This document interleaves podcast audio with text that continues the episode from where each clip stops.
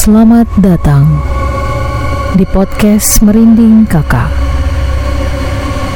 Jangan dengerin sendirian, karena dia ada di sekitarmu.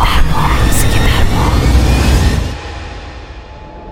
Assalamualaikum. Waalaikumsalam warahmatullahi wabarakatuh.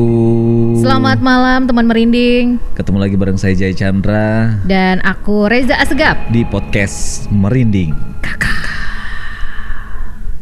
Bismillahirrahmanirrahim. Kita malam ini bakal mulai lagi Iya. untuk uh, podcast merinding kakak. Kita bakal ngobrolin hal-hal yang dekat dengan kehidupan kita dan bahkan ketika kita ngobrol kayak gini juga dia Benar. ada di sekeliling kita. Benar. Jadi buat kalian yang malam minggu, malam Jumat ini sendirian dan dengerin podcast Merinding Kakak, diharap jangan nonton. Eh jangan nonton ya, jangan nonton dan jangan dengerin sendirian. Karena dia ada di sekitar kita. Benar. Mak, jadi aku dulu itu eh punya pengalaman, Mak. Aku pernah beli nasi goreng. Mungkin itu sekitar jam Kenapa lu tahu Bambang? Gue ikutan ketawa. Loh, Pak beneran, Pak. Iya. Eh ini udah udah ini udah dapat filenya. Kan tadi katanya disuruh lebih lebih slow supaya terdengar misterius kan. Mungkin di pikiran Aldi ini kayak acara podcast kuliner. Anjir.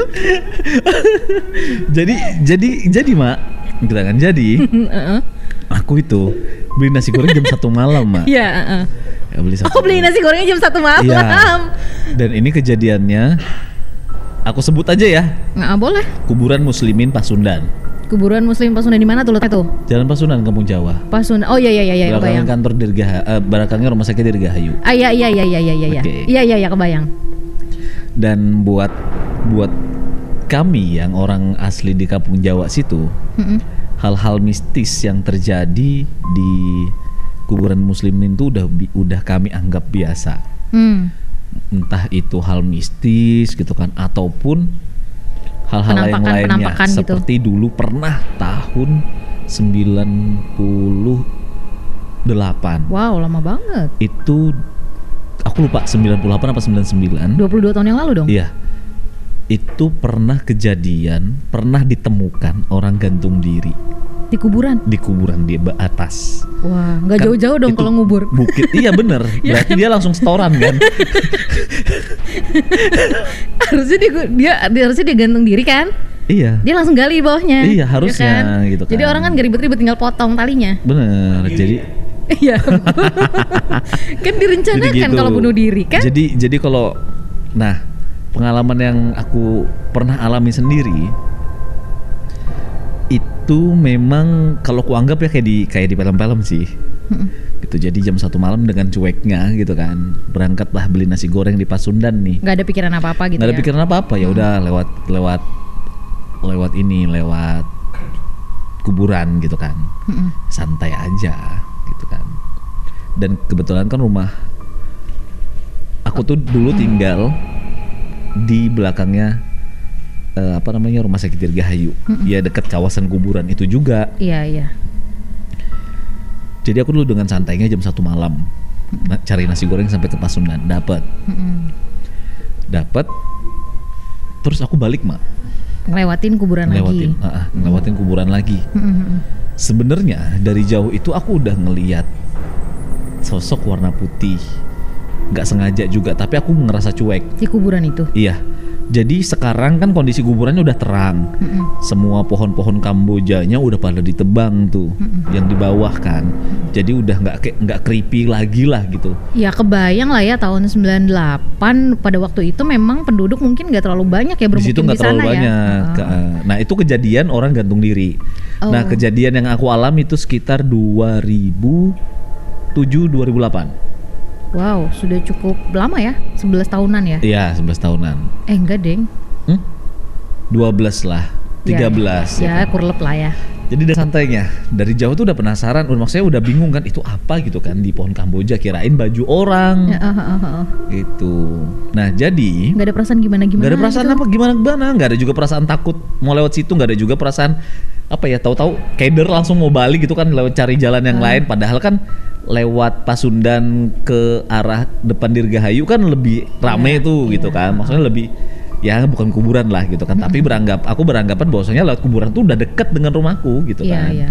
ya anggap aja kata mama selemparan BH lah gitu ya Iya iya iya. Ya kan? Saking deketnya. saking deketnya Ah. gitu kan ya udah naik motor nih neng masuklah ke Ke? kuburan itu gitu kan kan aku di, di jalan Pasundan nih Ah, ah. belok kan rumahku di belakang eh, rumah sakit Dirgahayu Ha-ha. belok belok ngelewatin kamar mayat kamar jenazah rumah Ah, sakit iya, Dirgahayu iya, gitu iya. kan yang langsung berhadapan dengan kuburan muslimin Waduh waduh. dulu masih rimbun mak Ah, ah, ah. dulu masih rimbun pohon Kamboja semuanya pohon Kamboja pohon jambu mente karena dulu aku kecil mainanku di kuburan main aja kentungkup Hmm. aja kentungkup aja apa petak umpet Petak umpet. ya kan tuh jadi masih banyak tuh. Nge- dari jauh tuh "Ah, apa ya putih-putih? Tadi nggak ada masalahnya aku ngeliat gitu kan. Mm. aku nggak ada nggak ada ngeliat nggak ngeliat itu ada sesuatu gitu di atas pohon nggak. Gitu ya udah santai aja. Nggak taunya sampai di tengah mak. Jadi pintu itu ada pintu satu pintu dua di tengah pintu tiga di ujung Hmm. yang udah deket rumahku. Mm-mm. pas di pintu kedua aku ditegur dong mak. Sama?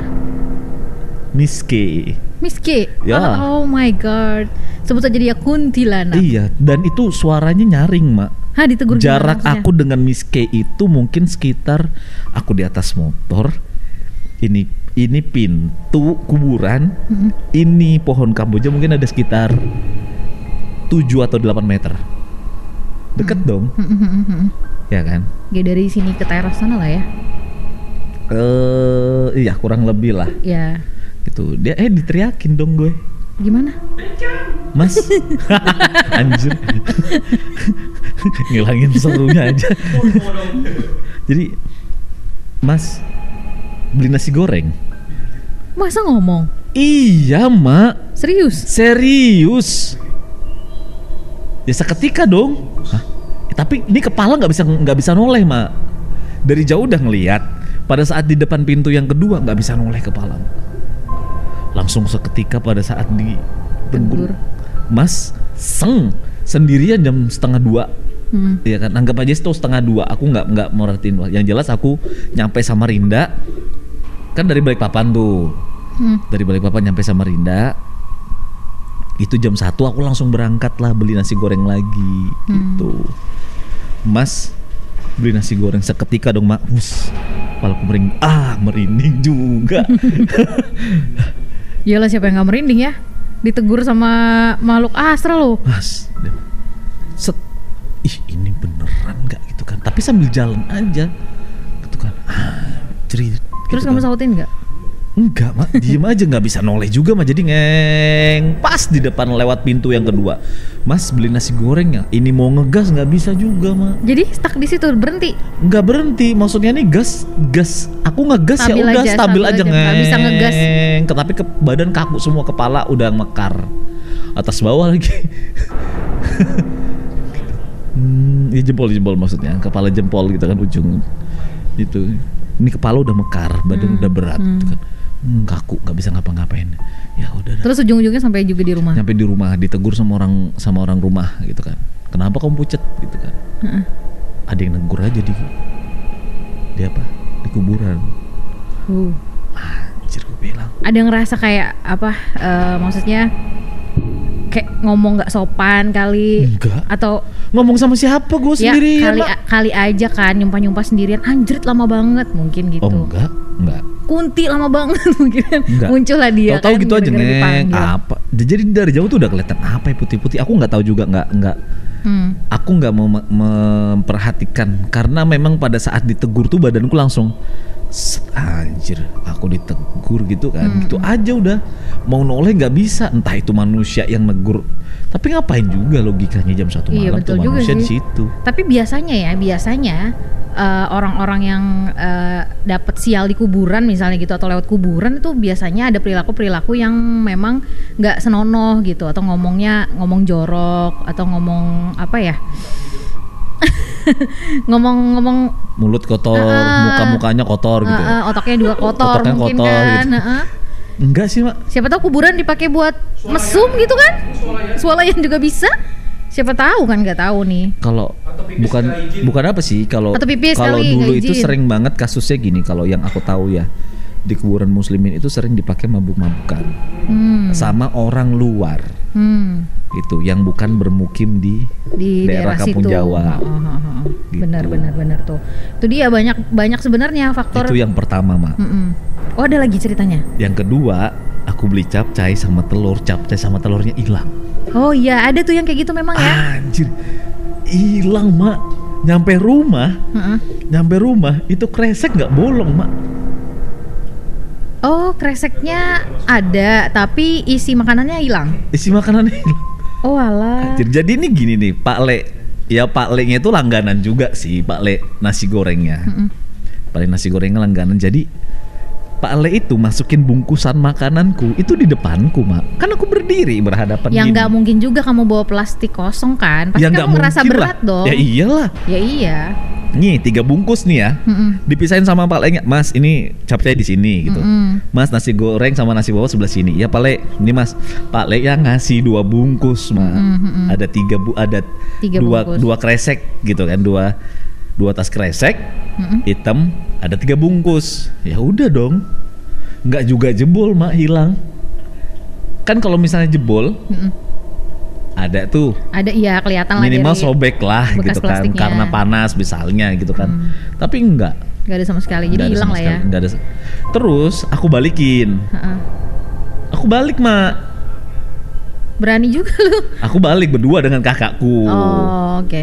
ayo bang gitu kan bahasa bahasa bahasa kami ah ayo temenin gitu kan ya udah temenin itu nggak ada pirasat apa ya nggak ada pirasat jadi pas balik itu nggak ada pirasat hilang di di kuburan Pokoknya pengen nyari aja gitu kenapa sih Iya. hilang gitu. nggak pokoknya, pokoknya pengen nyari aja Nggak. balikin balikin ke Hah? Pak Le tadi bungkusanku Ketinggalan. kan? ketinggalan ke satu loh Mas kan Mas sendiri yang ngambil bungkusannya dua bu apa dua, dua kresek dia bilang kayak gitu kan dua kresek ada tiga bungkus kan saya bungkus di depannya sampean katanya Pak Le Heeh.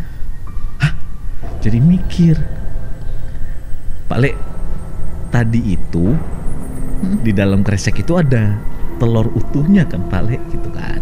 Hmm. iya Mas ada. Karena aku nggak minta maksudnya tuh telurnya nggak usah dicampur telurnya dipisahin aja. Jadi telur telur rebus utuh gitu kan. Jadi langsung kita kita bertiga aku kakakku dan Pak Le nya tuh menyimpulkan kayaknya hilang di kuburan nih. Pak Le nya kebetulan nanya Mas sampean lewat kuburan? Iya Pak gitu iya Pak Le ya sudah hilang di kuburan kan ada telurnya itu ya bener nih si Kunti lapar kayaknya dia Itu kenapa sih nggak? Ini jadi pertanyaan juga sih sebenarnya. Kenapa itu telur utuh gitu atau telur rebus ya? Heeh. Itu selalu jadi kayak eh, sesuatu hal yang diincar sama makhluk halus nggak gitu. nggak apa ya aku sih maksudnya kebetulan kan kalau kalau kepercayaan orang asli sini kebetulan aku kan bukan orang asli sini mah Mm-mm. gitu kan. Kalau orang asli Samarinda itu ya kayak apa ya kayak nggak boleh lah telur utuh itu gitu kan. Lewat hutan lewat kuburan gitu atau kan. tempat-tempat asing. atau tempat-tempat asing. Aku sih dulu seingatku aku dulu pernah bilang aku nggak percaya kalau telur utuh itu bakal hilang kalau lewat kuburan. Aku nggak percaya hal itu dulu ya tapi setelah kejadian ya mungkin aku bisa percaya gitu loh Dan kamu mengaitkan dengan hal mistis gitu. ya sebenarnya kayak apa ya orang kita udah tahu lah ini Kalimantan gitu Iya, kan heeh, heeh. Gitu kan kita kita udah tahu bersama ini Kalimantan Sebenarnya aku juga punya pengalaman- meskipun di tengah kota gitu kan Heeh. meskipun itu kuburan adanya di tengah kota kan emang bener di tengah Iya, kota di bener. belakangnya kantor gubernur kan Nah waktu itu aku malahan justru di daerah pedalamannya Kalimantan Waktu itu aku arah ke Longbagun Jadi eh, sebentar ya Aku Lanjut. sanggah dulu ya Jadi tuh soal telur nih yang katanya jadi incaran makhluk halus gitu kenapa sih sebenarnya itu yang penasaran juga kita ya. Eh, kadang apalagi kadang-kadang kayak kita yang nggak terlalu percaya hal-hal mistis gitu ya. Mm-mm. Iya kan? Jadi kami itu eh, melakukan perjalanan ke Longbagun. Longbagun itu kan daerah perbatasannya Kalimantan juga. Mm-mm. Jadi itu hanya bisa ditempuh pakai speedboat. Oke. Naiklah kami speedboat dengan eh, 15 orang kalau nggak isinya dan cukup besar. Itu biasanya katanya eh, kalau kita ke Hulu Mahakam itu kalau ada pendatang, kita kan pendatang nih jatuhnya. Itu tuh selalu air pasang dan memang dalam keadaan air pasang. Mm-mm. Lalu si speedboat kami ini nggak jauh kami itu meninggalkan dermaga macet Oke. macet. Dalam keadaan air yang benar-benar pasang banget. Udah nggak kelihatan pinggiran-pinggiran Mm-mm. sungai Mahakam itu sepanjang jalan menuju Longbagun itu nggak jauh pokoknya dermaga itu masih kelihatan. Tapi udah em, menunjukkan hal-hal yang nggak lazim gitulah. Ya bisa dibilang mungkin ada unsur-unsur mistisnya juga gitu. Ternyata salah satu dari anggota kita yang ada di speedboat itu dia bawa telur rebus. Setelah dia sadar dan ternyata memang dia yang paling ketakutan baru dia baru dia ngaku kalau dia itu bawa telur rebus. Dan akhirnya dia cemplungkan semua telur rebusnya ke sungai. Baru kami dipindahkan ke speedboat baru baru lancar perjalanan. Oke. itu itu aku nggak tahu ya ini berhubungan dengan hal-hal mistis atau enggak si telur ini. Yang pasti men- yang menjadi alasan kami eh, akhirnya berpindah speedboat dan akhirnya perjalanan bisa la- lancar lagi itu karena mungkin telur itu yang menjadi incaran dan akhirnya mungkin dia ada di speedboat kami itu yang membuat speedboat kami itu jadi macet mungkin ya beberapa kepercayaan dan akhirnya kami ngobrol pun seperti itu yang yang dikeluarkan gitu loh statementnya Iya sih, kita maksudnya aku pun nggak maksud itu belum belum terpecahkan sampai sekarang. iya, ha-ha. Aku pribadi belum maksudnya belum menemukan alasan yang Ya nggak juga perlu kita jawabannya sih sebenarnya kalau kita Iya. tahu jawabannya dijawab sama yang mau telur gimana? Horor. enggak maksudnya kenapa kok telur itu bisa sangat berkaitan dengan hal mistis gitu kan. Yang aku juga dulu pernah nyeletuk, ah masa sih telur telur doang gitu kan, telur, telur doang masa Mm-mm. eh, bisa sampai segitunya gitu kan nggak boleh bawa di tengah hutan nggak boleh bawa di kuburan gitu kan termasuk kan telur asin gitu Mhm. gitu Terus memang ya kalau di sajen-sajen yang disajikan itu kan selalu ada telur juga nggak sih? Mm-mm. S- Sadar nggak sih kalau eh, sering kali Emang orang benar. Kalimantan eh, sering ngadain acara itu selalu kayak ada apa ya istilahnya tuh ya? Bukan sajen sih mereka bilangnya. Apa ya istilahnya? eh, Ada yang ingat nggak sih? Kalau kita ada acara kawinan nikahan gitu tuh ada ketan, Ini. di atasnya telur. Harus ada itu. Bukan. Apa sih namanya? penduduk Iya penduduk. penduduk Penduduk gitu bahasanya penduduk. Jadi tuh harus ada di setiap sudut rumah kalau mau ada acara. Ah, ah, ah. Jadi tuh ketan sama telur rebus di atasnya ya enggak sih? iya benar Nah, benar. itu kenapa? Itu yang kayak eh, apa ya? Apa ya kayak menjadi iya pertanyaan menjadi juga pertanyaan sih. besar gitu kan menjadi Heeh. pertanyaan gitu, gitu juga gitu kan itu pengalamanku ngelewatin kuburan seperti itu jadi aku dua kali lah hmm, dua kali dapat pengalaman yang dapat pengalaman yang nggak enak ya gak enak ketika menuju kuburan. Eh Iya. ketika menuju kuburan. ngelewatin kuburan Lewatin kuburan menuju kuburan jalan sendiri, Pak. Gali sendiri. kuburan. Iya, jadi sebenarnya kalau masalah kuburan sih eh, sama lah kayak tempat-tempat yang angker mungkin ya. oke Ah. sama Ya, horornya tuh sama gitu. Ketika ngelewatin itu kayak yang ya ampun aku lewat kuburan males banget. Bisa nggak sih di skip aja ini ya kan? Ah. Bagian yang lewatin kuburannya itu. Tapi mau gimana ya karena situasi dan kondisi seperti kamu bilang tadi rumah kamu memang dekat kuburan ya dan memang keperluannya juga harus melewati tempat itu mau gimana lagi. Tapi yang harus juga diketahui sama teman merinding adalah eh, apa ya kayak etikanya lah etikanya apalagi eh, kayak tadi Jay bilang ada yang mabok-mabokan di kuburan Mm-mm. ya ampun kita ini kan hidupnya berdampingan ya ada dunia sebelah juga gitu loh bisa jadi dia marah dan ketika marah kan udah nggak tahu siapa yang minum siapa yang enggak. Iya. makanya yang lewat digangguin aja. Tapi tapi gini yang perlu digarisbawahi adalah namanya orang mati ya udah mati gitu ya. Mm-mm, orang meninggal ya udah meninggal. Mm-mm, Eh, yang perlu dig- digarisbawahi mm-mm. kita juga nggak boleh per- nggak boleh percaya bahwasanya yang ada di kuburan itu adalah rohnya yang Orang-orang meninggal. meninggal gitu kan karena yang namanya udah mati ya udah roh udah terpisah dengan dunia kan Betul. gitu itu sebenarnya ya bisa dikatakan jin Iya, bukan jin. dikatakan sih emang jin Memang jin-jin jahat gitu jin-jin sih. yang usil Uh-uh, gitu kan betul, yang nggak baik gitu karena memang kita berdampingan dengan jin dengan setan. Iya, Ya kan? banyak banget juga tentang yang berkaitan dengan kuburan nih, kayak misalnya ada yang melahir, eh melahirkan, jadi tuh meninggal dalam keadaan masih hamil. nah benar. Kalau ya ya seperti yang yang pernah kita ini ya kan. Tonton ya mak ya. Mungkin kayak Susana. Mm-mm, film-film lama gitu ya. jadinya sundel bolong. Sundel bolong gitu-gitu, jadi kunti. Heeh. Iya, terus, terus, harus ditungguin katanya Iya. sampai 40 hari Iya, iya ada. Tapi nggak tahu ya, zaman sekarang tuh apakah masih ada ya eh, tradisi-tradisi kayak gitu ya? Mm-mm. Eh, eh, mitos-mitos kayak gitu tuh apakah memang masih dipercaya oleh masyarakat Se- eh, sejauh ini? Aku belum pernah dengar lagi sih. Dulu sih iya, dulu zaman-zaman aku masih kecil tuh masih ada yang ditungguin sampai 40 hari gitu. Dan katanya kalau nggak ditungguin tuh takutnya kain kafannya itu diincar tuh sama orang-orang buat pesugihan, kayak penglaris gitu-gitu sih setahu aku ya. iya sih Terus juga ada juga banyak orang yang nekat ke kuburan untuk cari nomor togel. togel Ini serem sebenarnya kok mereka mau kok seneng ya. gitu ya Iya. Kok seneng cari penyakit tuh bingung deh. itu udah salah Iya. Terus juga ada yang ngambil tanah kuburan sengaja gitu buat pesugihan juga, kayak buat Hmm, penglaris atau gitu. atau buat eh, guna-guna ya ya pak ya Ada Santet- buat santet gitu ya? santet terus itu eh, guna-guna untuk pemikat Mm-mm, mm-mm, pelet mm-mm, mm-mm, betul, terus betul, betul. guna-guna juga eh guna ya itu termasuk gula guna-guna atau santet ya kalau misal gula-gula ya, Pak? Ah. gula-gula lagunya apa Elvi Sukesi ya gula gula anjir Bukan Enggak, maksud, maksudku gini. eh, ada yang supaya dagangan Laris. dagang dagangannya lah Ah, apa? ah.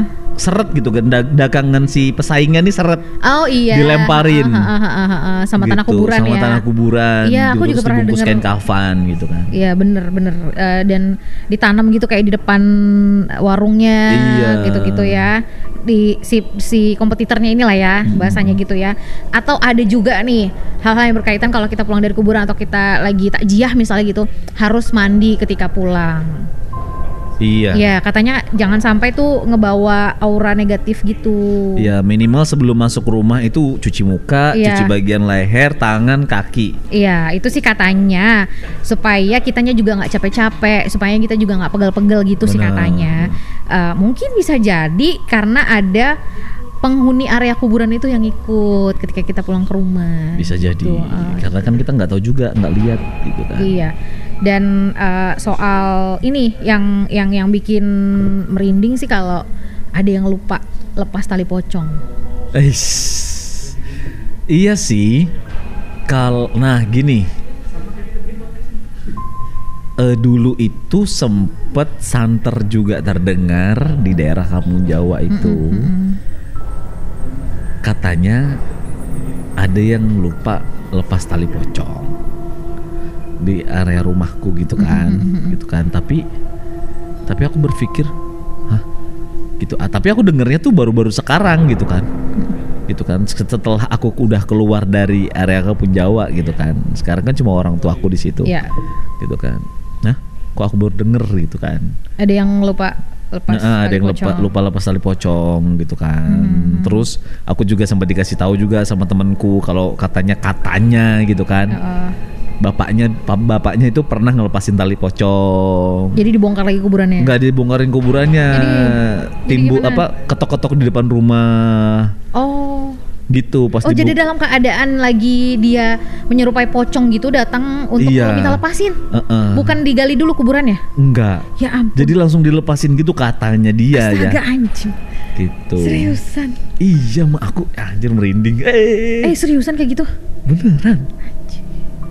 Beneran. Ih, seriusan kayak gitu? Iya. Kupikir tuh ya kalau misalnya dia datang tuh dalam mimpi doang gitu. Terus eh, kayak ngasih kabar, tolong dong dilepasin tali pocongnya gitu. Terus nanti maka warga itu akan berembuk lalu eh, ngegali kuburnya baru dilepas tali pocongnya. Ini Nah. datang dalam bentuk pocong. Jadi Anjir. ini aku juga maksudnya ini aku dapat dapat cerita Mm-mm. dari temen gitu Iya. kan. Ket anjir. Ja- jadi jadi waktu itu aku waktu itu aku nggak di Samarinda mak. Mm-mm.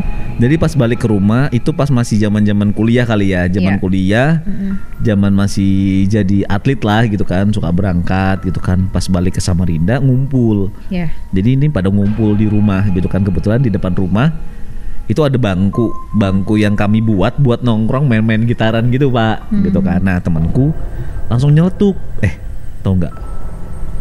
Kenapa? Dua hari yang lalu kemarin lusa Hmm. ada yang ngetok-ngetok depan rumah, terus dibukain sama bapakku, terus pocong pengen minta bukain talinya. Jadi sebelum ah, anjir aku bayangin ah Tatap-tatapan tuh sama pocong. maksudnya aku nih bayangin bayangin muka bapaknya temanku itu. Karena akrab banget kan. Gitu. Namanya satu kampung ya. Mulai merinding. bapaknya temanku itu gitu kan. Ya temenan juga sama bapak bapakku gitu kan. Akhirnya ya kami namanya circle-nya di situ situ aja temen. Jadi berteman itu ya makin ke sini makin ke sini kan.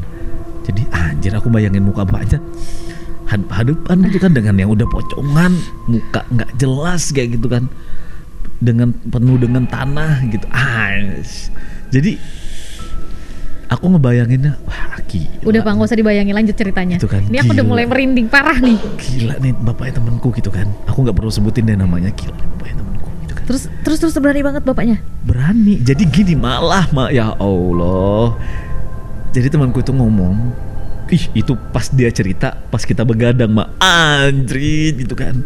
Pas kita begadang. Nah dia cerita itu gitu kan. Lagi ngejreng-ngejreng nih. Langsung tahu-tahu dia cerita itu udah jam 11 malam. Pak dari rumahku itu cuma belok ke kiri udah kuburan mak. Eh belok ke kanan udah kuburan. Dapat sebenarnya ya. iya. Dapat mistisnya. anjir sih gitu kan. Didukung dengan jadi, suasana. jadi terus terus gimana gitu kan. Gimana san? Gue bilang kayak gitu kan jadi tengah malam nih dia bilang jam 2 suara itu tuh sebetulnya udah lama bunyinya. Udah udah berapa hari gitu nah dia bilang kayak gitu. Suka ngetok-ngetok pintu gitu. suka ngetok-ngetok pintu tapi nggak diheranin. Mungkin memang sudah ada yang pernah kejadian juga didatengin. gitu nggak diheranin. Makanya tuh dicuekin aja. Dan- dan ternyata mak gitu kan. Ternyata yang bawa cerita ini bukan temanku yang satu ini juga Panjang banget nih ceritanya. gitu. Aku baru inget nih kan, kalau ngobrolin soal kuburan Heeh. dan dan pocong lah. Yang bawa cerita ini bukan temanku yang satu ini juga. Besoknya temanku yang satu itu bawa cerita juga. Oh berarti memang udah. bapaknya nggak berani bukain. Oh berarti memang udah ngider-ngider ya si pocong ini gitu. gitu.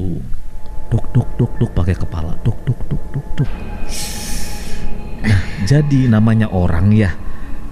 Kan tengah malam jam 2 malam nggak langsung bukain pintu toh Iya dong. Iya kan? Lihat dulu pasti siapa nih ngi- yang pasti malam. bahasanya ngintip dulu nih gitu kan di jendela. Anjir kan. Ngintip dulu di jendela. Ah. PCeng sekalinya. Iya kan? Heeh. Iya kan? Gitu. Terus berarti maksud ada yang mau buka berarti sebelumnya udah ke tempat yang lain. Iya betul. tapi nggak nyampe di rumahku. Hmm. Terus terus endingnya akhirnya eh, si bapak ini berani ngelepasin pocongnya. Jadi sebelum bukain pintu bapak bapaknya temanku itu ngeliat dulu di apa namanya di Jendela. jendela. Tapi akhirnya dibukain. Iya dibukain. Mau nggak mau. katanya, mau nggak mau. Ap- tapi karena memang bapaknya punya nyali ya. sempet ter sempet sempet kayak terkesima apa ter Ya, tuh ya eh, gitulah gitu terkesima kan lah ya. terkesima lah. Nggak nyangka tamunya ya. diriku gitu kan lagu dangdut men. Jadi sempet terkesima nih gitu kan. Nggak dibukain. Kesian gitu kan dibukain serem gitu kan Iya. nggak dibukain tapi ntar ganggu warga yang lain ya udah mau nggak mau akhirnya buka pintu dibukain Tali pocongnya. iya Terus langsung pergi gitu aja. langsung hilang teng gitu dong Hmm. aku nggak tahu itu beneran maksudnya tuh kenapa aku percaya karena dua orang yang bawa cerita Iya iya iya. Oke. ya ini cukup eh pengalaman yang eh nggak mau rasanya dan diceritain dan ternyata ngetok-ngetoknya tuh bukan cuma semalam itu aja malam sebelumnya udah pernah ngetok di rumah temanku itu Iya, makanya tadi kan banyak cerita, banyak versi Mm-mm. cerita yang akhirnya sampai ke kamu kan. Heeh. aku nggak maksudnya sebetulnya gini yang meninggal itu ya orang sekitar situ juga Mm-mm, mm-mm. pada saat itu kata temanku itu temanku itu cerita yang meninggal tuh orang situ juga dan kami itu kenal emang gitu Hmm. Jadi ya, tapi ya ya gitu.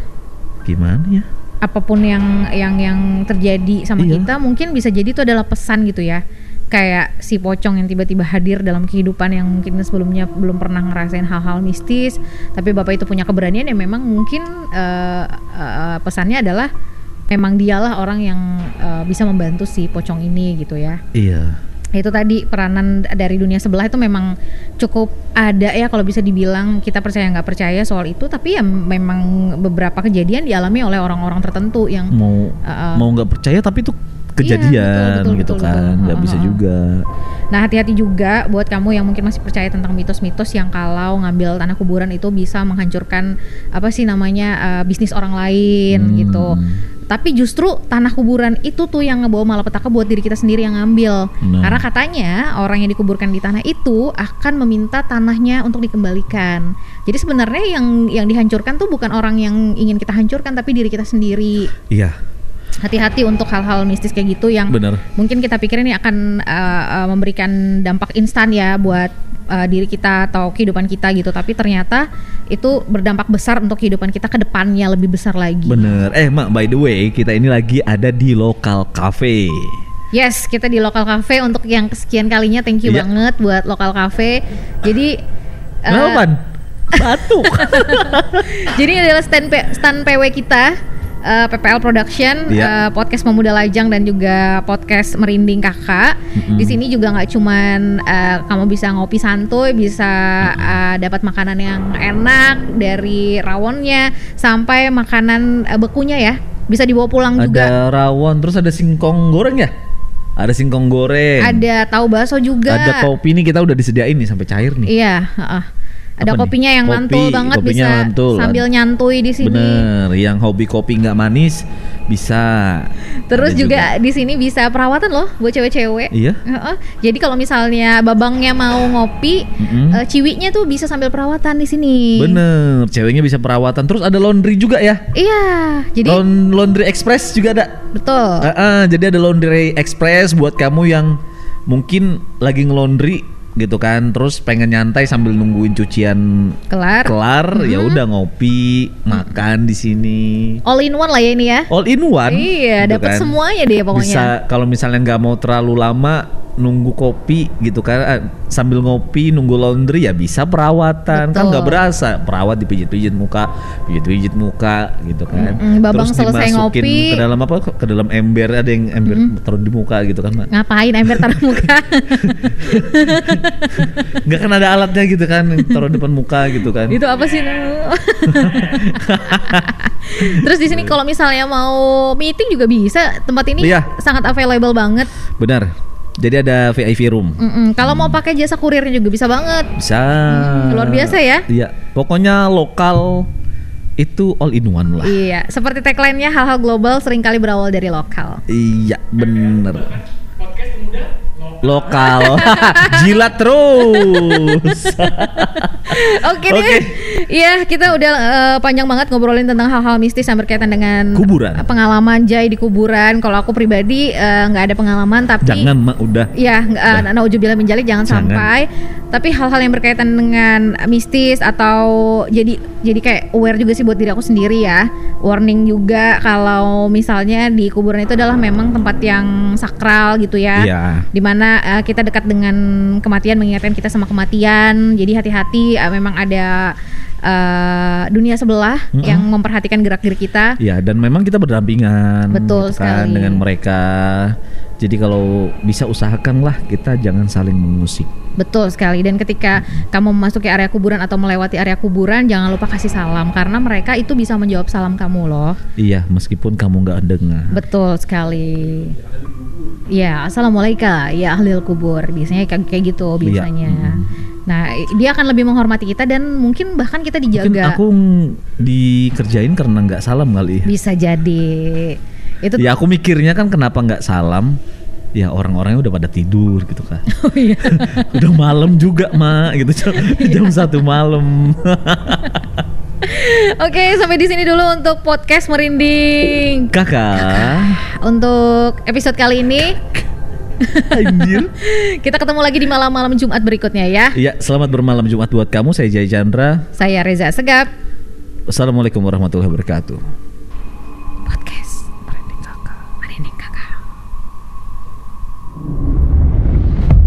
Podcast Merinding